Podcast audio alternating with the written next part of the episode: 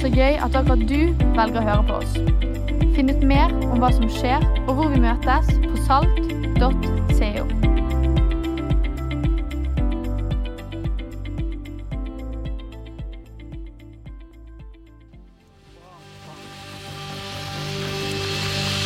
Så nydelig. så nydelig. Vær så god og sitt.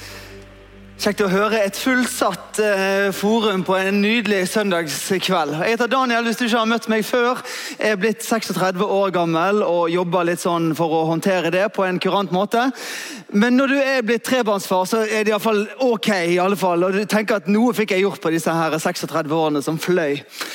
To av de er skolebarn, en av de er, sjef. Tre, tre, tre år er han blitt og tror at han styrer hele butikken. Så Det er liksom livet som vi lever ute i Os i hverdagen. Jeg er gift med Rikkelina, en klassisk sanger som eh, mange vet her at gir meg eh, stort sett prestasjonsangst hver gang vi skal synge for maten. Så er det jo liksom sånn, nå, nå må jeg treffe på notene her for at dette skal bli en kurant, kurant situasjon. Og Som du allerede hører, så er bergensere bergensere snakker, bergenser snakker fort. Det var ikke vanskelig for oss å bedømme at det var bedre at Elisabeth skulle lese inn 100 dager med Jesus, og ikke jeg da hadde det blitt vondt for deg i 100 dager å forsøke å høre på alt det som skulle bli sagt i løpet av kort tid. Faktisk var det en fyr som sa til meg at 'jeg liker' Der la jeg inn med vilje. Tror jeg. En fyr som sa til meg at han likte å høre på podkast med meg på halv fart. Det synes han var behagelig, men jeg synes at det høres ut som jeg har levd et ganske hardt liv. Hvis du hører meg på halv fart. Så ikke gjør det. Det er en dårlig idé. Det er en dårlig idé. Eh, det er faktisk en veldig gøy idé å høre podkaster på halv fart, men da har jeg altså bedt deg om å ikke gjøre det. Så da gjør du det ikke. Så det er jo greit. En av de tingene jeg eh, derimot syns er fryktelig, fryktelig gøy, det er å få tilbringe tid sammen med gode venner denne, eh, denne, opplevelsen av at nå har du liksom bare en, en helaften skjært ut, udelt oppmerksomhet, god tid, kvalitetstid sammen med folk som du setter pris på. Det skjedde i sommer. Da var vi på Lindesnes. og så Plutselig så eh, skjønner jeg at noen av våre aller beste venner, utrolig fine folk, er bare en tre minutter kjøretur rett borti gaten. Og Jeg spør min mor om vi, hun kan ta ungene, og vi får barnevakt, og så suser vi bort til Snig. Og Der er det altså en fyr som kjenner meg godt. Han leverer et par kilo med sjokolade på bordet. Eh, en god kopp kaffe, og der blir vi sittende og prate utover kvelden. Du vet Den tiden du får som ikke dreier seg bare om å oppdatere hverandre på liksom det som har foregått, men der man snakker om, om det som skjer i livet. Det som skjer med en i livet. Sårbarheten, ærligheten, tilliten som er der til å kunne lytte og bli forstått og hørt og hjulpet til å leve videre. Jeg har masse godt å si om kollegaer. Jeg har masse godt å si om det så hvor spennende det er å høre på eksperter og andre mennesker. Men jeg tror noe av det vakreste livet har å by på, er nære vennskap. Det å ha noen å gå sammen gjennom livet med. Og Vi skal eh, åpne Johannesevangeliet i kveld. og Det er den samme evangeliene som Niklas Pienso, som skriver denne boken 100 dager med Jesus, bruker som et sånn springbrett gjennom disse dagene. Og skal vi lese det som fra han er en beretning om Jesus. og Han begynner nesten som det høres ut som første Mosebok i Johannes kapittel 1, vers 1. I begynnelsen var Ordet, Ordet var hos Gud, og Ordet var Gud. Han var i begynnelsen hos Gud. Alt er blitt til ved han, og uten ham er ikke noe blitt til. Så hopper vi til vers 14. Og ordet ble menneske og tok bolig iblant oss, og vi så hans herlighet. I Johannes evangelium så er det ikke noe eh, juleevangelium med liksom stall og krybbe og, og liksom eh, hele dramaet som Lukas presenterer, men heller et sånt kosmisk poetisk fortelling om hva dette er for noe. At Gud blir menneske. Gud flytter inn og blir en del av vår verden. Det Et sånn paradoks av at det som skjer her i dette øyeblikket, er at guddommeligheten tar på seg sandaler. Tenk hvor paradoksalt det må ha opplevd det som skulle prøve å få hodet rundt det. Og kanskje fortsatt er det sånn vanskelig å få hodet rundt det. At Gud blir menneske. Gud ønsker å relatere til oss på en måte som gjør at vi kan skjønne han, og kjenne han. Ikke som noe abstrakt og svevende, men som noe som er helt og fullt presentert, gjort tilgjengelig, nåde og sannhet vandrende rundt på jorden, så vi kan lære han å kjenne. Og Det er min invitasjon til deg i kveld. Både deg som er litt sånn skeptisk, eller deg som er litt mer frem i stolen, litt nysgjerrig, eller deg som kommer inn i denne høsten inn i dette rommet her med en avklart tro. Jesus står der og inviterer oss til å lære han bedre å kjenne. Og du skjønner at Det er smaken av oppstarten for oss denne høsten. Takk til Eirin og Sigurd for å dele nydelig fra eget liv. Og Jeg har lyst til å fortsette langs de linjene og invitere deg til å se at denne høsten her har jeg lyst til å lene meg innover det å bli bedre kjent med Jesus. Trass i Johannes sin litt sånn gledesfylte fortelling. Han begynner der med energi og med glede. Så er han ærlig på at det var ikke bare enkelt for de første som hørte om lyset som var kommet inn i mørket, og skjønne helt hva dette lyset var for noe. Det står i vers 9 og 11. Det sanne lys som lyser for hvert menneske, kom nå til verden. Han var i verden, og verden er blitt til ved han, men verden kjente han ikke. Han kom til sitt eget, og hans egne tok ikke imot han.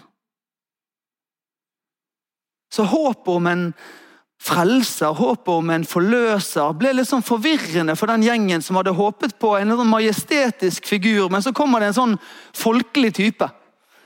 kommer det en sånn fyr som ikke leverer på det de har forventa, men som er noe helt annet. Og Istedenfor å skjønne at ordet har tatt bolig blant dem, så går de kanskje hus forbi at Gud er kommet nær. Hvordan ser du på Jesus? Hva tenker du om han? Hvordan ser du på han? Min opplevelse er at det er to ting som ofte blir litt sånn Ikke problematisk eller vanskelig, men kanskje litt stykkevis og delt hvis vi ser Jesus kun på en av disse to måtene. For det første, som en sånn tankeleder, en som kommer med et sånt paradigme. En, sånn, en som forklarer en sånn teoretisk virkelighet. Sånn ble det for fariseerne. De møtte Jesus på det nivået der. Hvem er du? Hva mener du om det? Hvilke teorier har du? Hvilken teologi har du? Hvilken ideologi har du? Hva svarer du på det? Hvordan forholder du deg til det? De møtte Jesus på det nivået. Av å forstå hva han mente om alle, alle mulige ting. Hva var hans paradigme? Hva var hans tankesett? Og Ja, det er viktig å forstå hva Jesus mener om ting. Ja, det er spennende å forstå hva Jesus mener om ting. Men når vi kun møter Jesus her, møter han på det nivået av å finne ut hva han mener, så kan det gå oss hus forbi at han har lyst til å flytte inn her. Og faktisk lære oss å kjenne, og vi kan lære han å kjenne. Ikke bare skjønne alt han mener.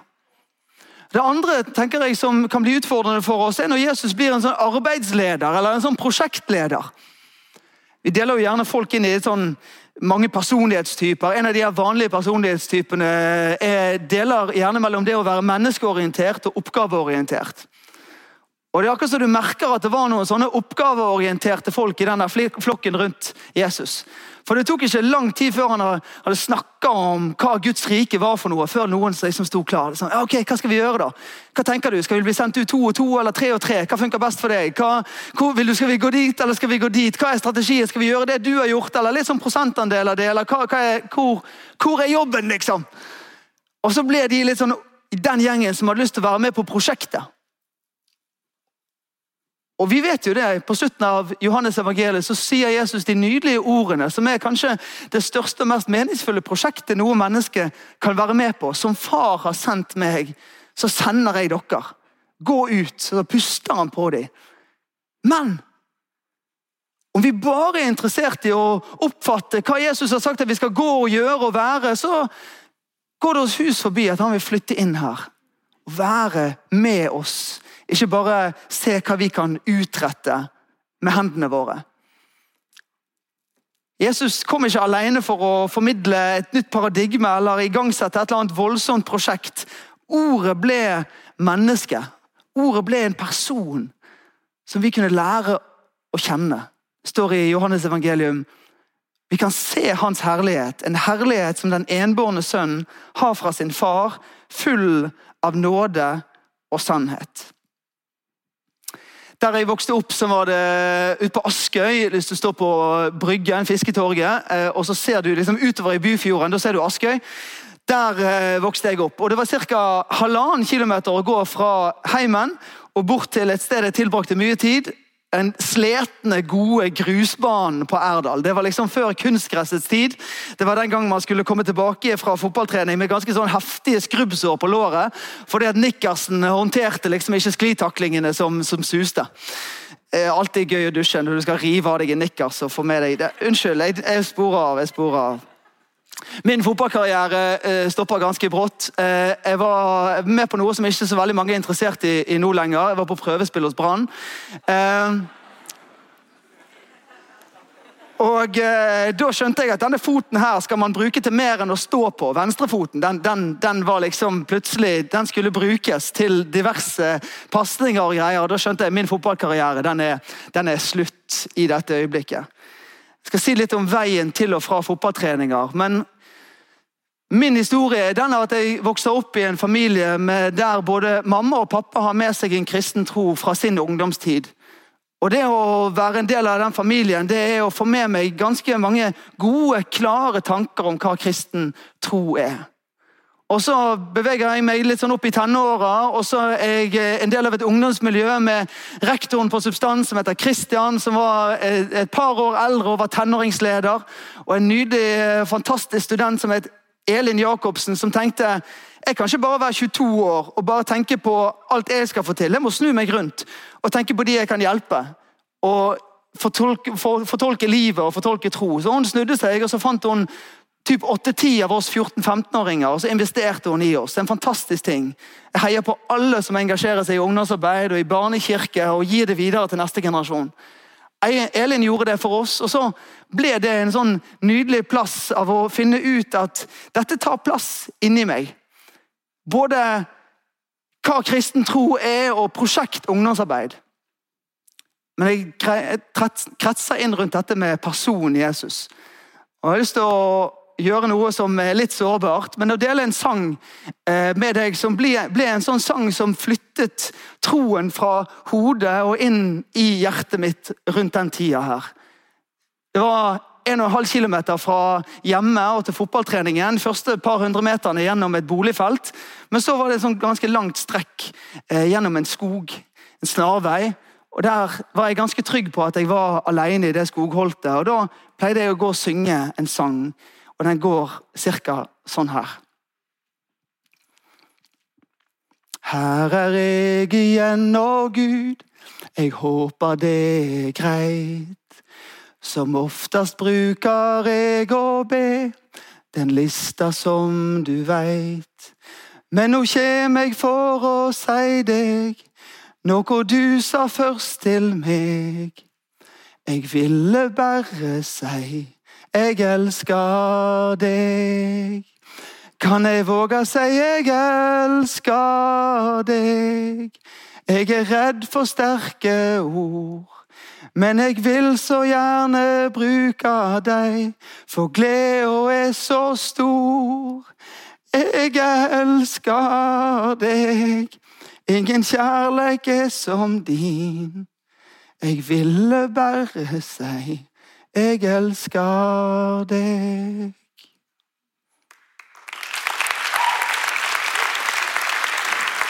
Så.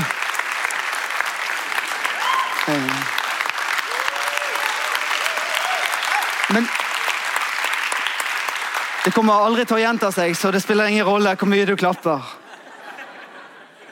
Men jeg hadde lyst til å dele det med deg, for det var den perioden i mitt liv der jeg begynte å kjenne at troen flyttet litt ned. Og personen Jesus ble større for meg. Ikke bare et kristen tanke eller kristen handling, men sentrum av vår tro. Jesus, som vi skriver med store bokstaver på tavlen gjennom denne høsten. Jeg har lyst til å invitere deg til å se Jesus denne høsten. Både du som er skeptisk og har piggene ute, la ham få lov å presentere seg sjøl. For deg som er nysgjerrig, kast deg inn i det. La ham få lov å vise frem hvem han er. Og for deg som kommer inn i denne høsten og tenker liksom det var litt uoriginalt. Liksom Jesus, ok? Ja, det er han. Personen Jesus vi tror kan, være det, det, beste fokuset vi kan sette for livene våre denne høsten. Jeg har lyst til å eh, bruke mine siste minutter på å vise deg tre forskjellige personer. Tre av de 21 som eh, Det nye testamentet forteller om at møter Jesus og får lov å være sammen med Jesus. Tre av de personene som merker at det å være i nærheten av Jesus endrer noe ved dem. Den første heter Jairus, og vi møter han i Markus kapittel 5. Jairus han eh, er synagogeforstander og en ganske sånn fornem og dyktig type. Og Jesus han er på andre siden av Genesaretsjøen. Skal ro over tilbake igjen til der i området der Jairus bor. Denne gangen er det ikke så mye storm, så han slipper å stille den. De bare ror stille og rolig over Genesaretsjøen.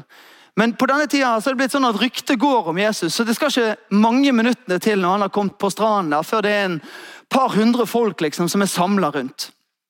Og midt i den flokken av folk så er Jairus. Og Jairus er der fordi at han har en datter som er syk, ja, dødssjuk.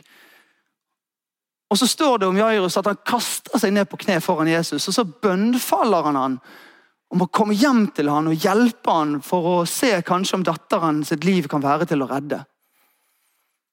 Så tenker du, Det høres ut som en veldig naturlig respons. sant? Det høres ut som en veldig naturlig ting å gjøre. Hvis du er i en desperat situasjon, så, så gjør du sånne ting.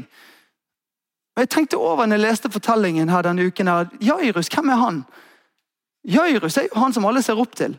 Jairus er jo han som har full kontroll. Som eh, vanligvis de møter på torget og i, på smågruppen og i synagogen. Så møter de han som en som liksom har, har peiling på ting og skal være den som gir trygghet til de andre. Og nå ser de han ligge på kne foran en annen som de foreløpig bare tenker at det er en sånn rabbi, en, sånn, en mann som kan mye. Men Jairus ydmyker seg under han og sier, kaster seg ned på kne og bønnfaller han om hjelp. Jairus bryr seg ikke om sin fasade, bryr seg ikke om det at han har behov for å se vellykket og kontrollert ut. Han er desperat.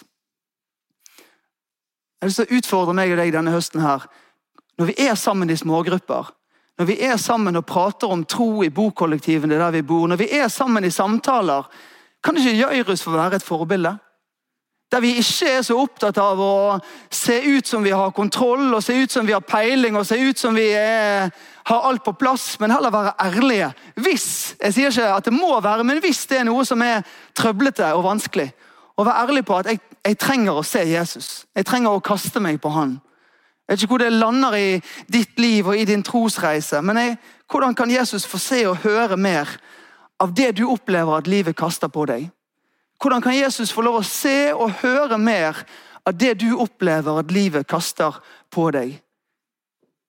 Jairus han er et nydelig forbilde på at alt det som kommer vår vei, kan vi få lov å bøye oss ned og legge foran han. Når vi er sammen med Jesus, så blir vår sårbarhet til styrke.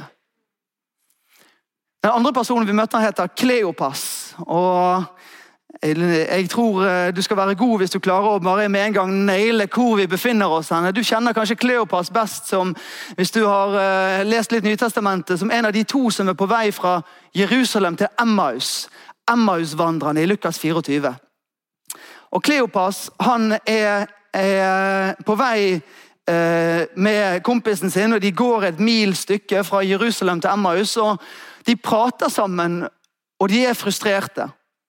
Jesus hadde lovet at han skulle gjøre allting nytt, men nå er han død og begravet.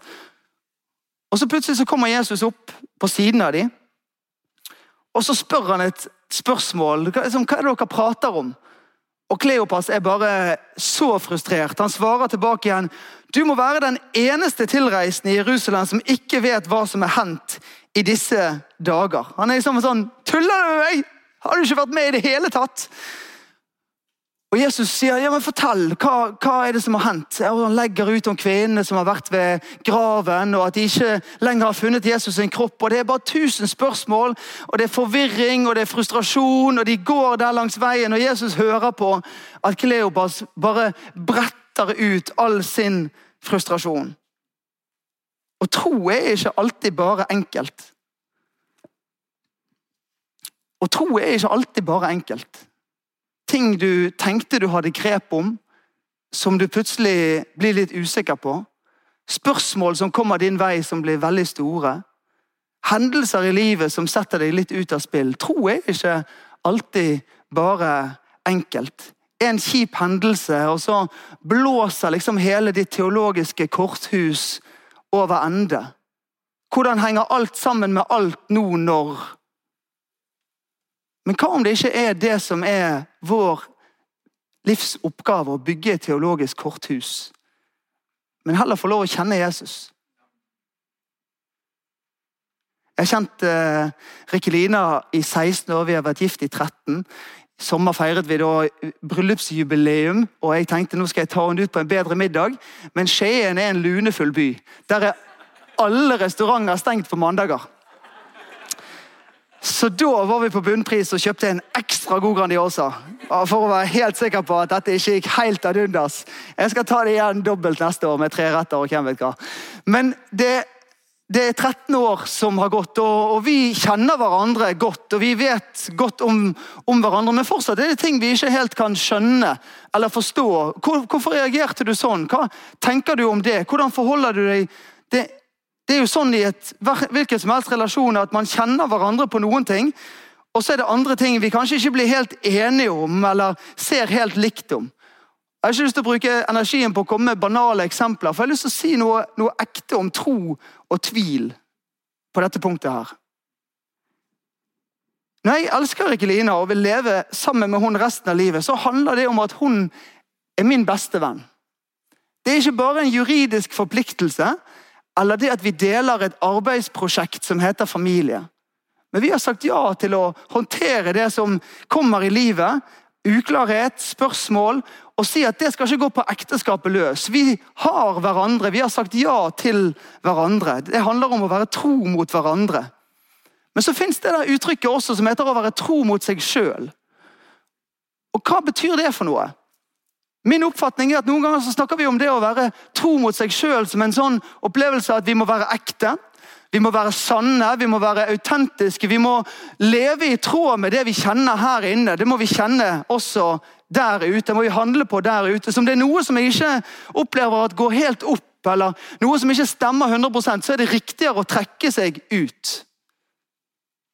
Om jeg og Rikkelina skulle lagt oss på den linjen at hver gang ting ikke stemte helt, eller vi ikke så helt likt på ting, eller tenkte helt likt om ting, så hadde det vært mer riktig å trekke seg ut. Det hadde ikke vært mye ekteskap igjen. Det hadde ikke vært mye ekteskap igjen. Men fordi vi har lyst til å være tro mot hverandre, så velger vi å leve i spenningen mellom tro og tvil. Sånn er det med Jesus også. Sånn er det med Jesus også.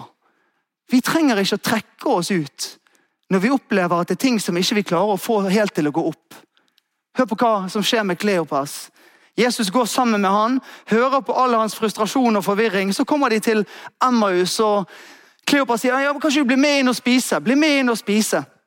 Og Mens de sitter der, så tar han et brød, ber en takkebønn og deler ut. og Da står det da ble det øynene deres åpnet, så de kjente han igjen. Da ble øynene deres åpen, åpnet, så de kjente han igjen. Jeg har lyst til å si til deg som uh, kjenner at jeg uh, snakker om noe som betyr noe for deg akkurat nå. Hvordan kan Jesus få lov å gå sammen med deg denne høsten? Hvordan kan uh, det å tvile eller å være urolig bli en etappe sammen med Jesus? Du trenger ikke å gå for deg sjøl eller gå alene til du har fått has på alt og bygget korthuset ditt opp igjen. Bare velg han. Velg å være med han. Velg å tro på at når du er sammen med han, så får du åpnet øynene igjen, og får du se han for den han er. Åpne øynene dine sammen med han. Tilbake i Johannes 1 avslutningsvis, så møter vi Andreas. Andreas han er en artig type. Han er en litt sånn fyr som hører på hva andre folk syns er populært. Så med en gang Andreas hører at det er en døper Johannes som peker på en fyr og sier der er Jesus, han, han er verdt å høre på, så tenker Andreas ok.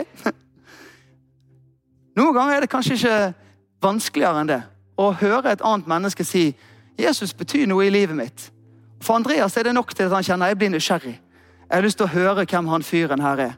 Jeg har lyst til å vite mer om hvem han er. Så Jesus snur seg, eh, og så ser han plutselig to som kommer etter han, Andreas og kompisen hans. det som vi kaller på Bergens for rævadiltere. Det er de folka som liksom bare dilter etter. Det er et eh, uttrykk du kan bare putte i ordboken din med en gang. østlending.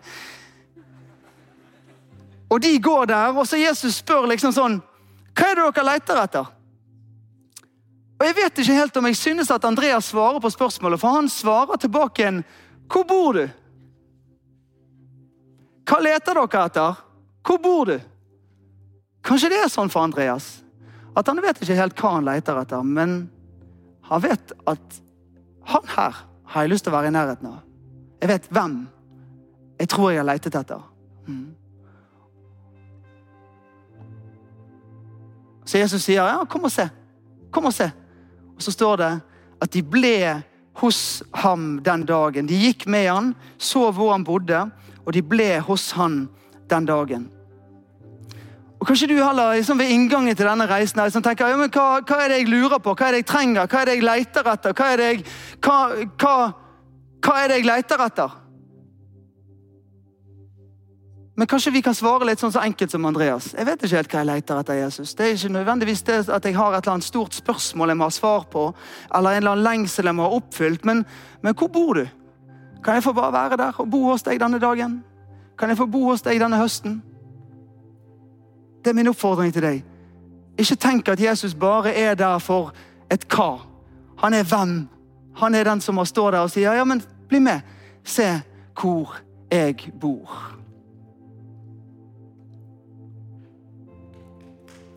Ja, ja, ja. Takk, takk skal du ha. Takk skal du ha. Jeg har lyst til å si til deg som er dristig og modig og tøff nok til å gå inn i et rom sånn som dette uten å nødvendigvis bekjenne deg som kristen, at det er så nydelig å se deg her.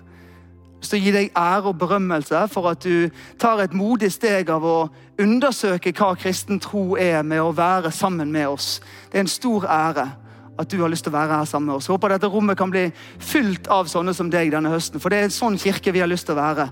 Som ikke holder Jesus for oss sjøl, men som sier 'kom og se' hva han betyr for oss, og hva han kan bety for deg om han får en sjanse. Og så har jeg lyst til å gjøre det som vi gjør ofte hver søndag. Det er å respektere det at kanskje noen har kommet til et punkt i den trosreisen at Jesus har blitt synlig og tydelig og klar. Da står det i Bibelen at den som tror i hjertet sitt og bekjenner med munnen sin at Jesus er Guds sønn, at han er Herre, han kan få kalle seg en kristen. Eller som Frode leste helt innledningsvis alle dem som tok imot han, den ga han rett til å bli Guds barn, de som tror på hans navn. Og Denne høsten skal vi gjøre det på en måte som blir en felles bønn i dette rommet. Jeg har lyst til å be deg om å reise deg og så skal vi rett og slett sammen denne høsten få lov å bekjenne vår tro. Og du som er på det punktet i din reise av eh, nysgjerrighet rundt tro, du kan få lov å be sammen med oss. Be sammen med oss en kristen bønn som inviterer Jesus inn i livet. Du ser bønnen på skjermen komme opp her. Og Jeg har rett lyst til å invitere deg til å lese den sammen med meg. Be den sammen med meg. Du som har en kristen tro, la det være din trosbekjennelse. Du som står der og tenker i dette øyeblikket, velkommen til å være med og be en frelsesbønn sammen med oss. Skal vi lese sammen? Takk, Jesus, for at du tar imot meg med kjærlighet og nåde. Takk for at du døde på korset for å tilgi meg min synd og at du sto opp fra graven for å gi meg evig liv. I dag gir jeg livet mitt til deg og gjør deg til herre og frelser, konge og venn. Fyll meg med din kjærlighet og hjelp meg å dele den med andre. På grunn av deg er jeg nå Guds barn, elsket og tilgitt, ønsket og akseptert. Amen.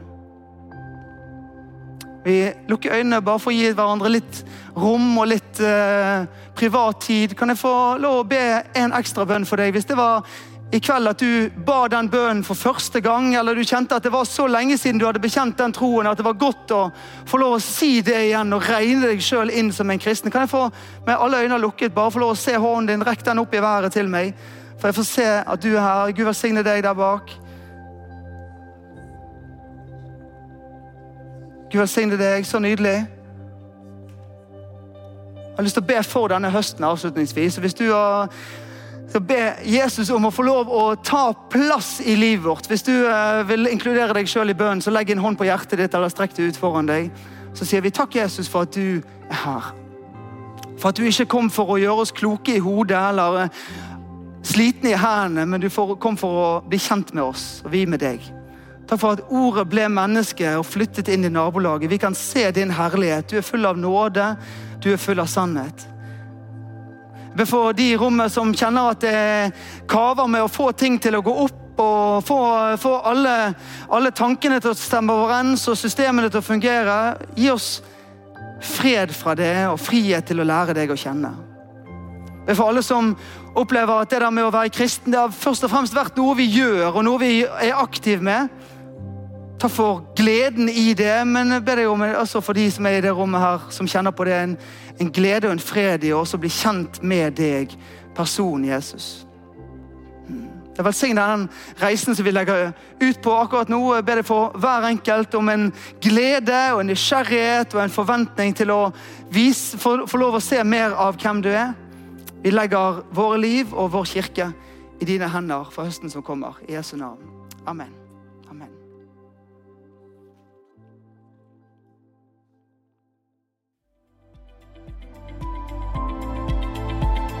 Takk for at du hørte på. Håper vi snakkes enten her eller i kirken neste søndag. Ha en nydelig.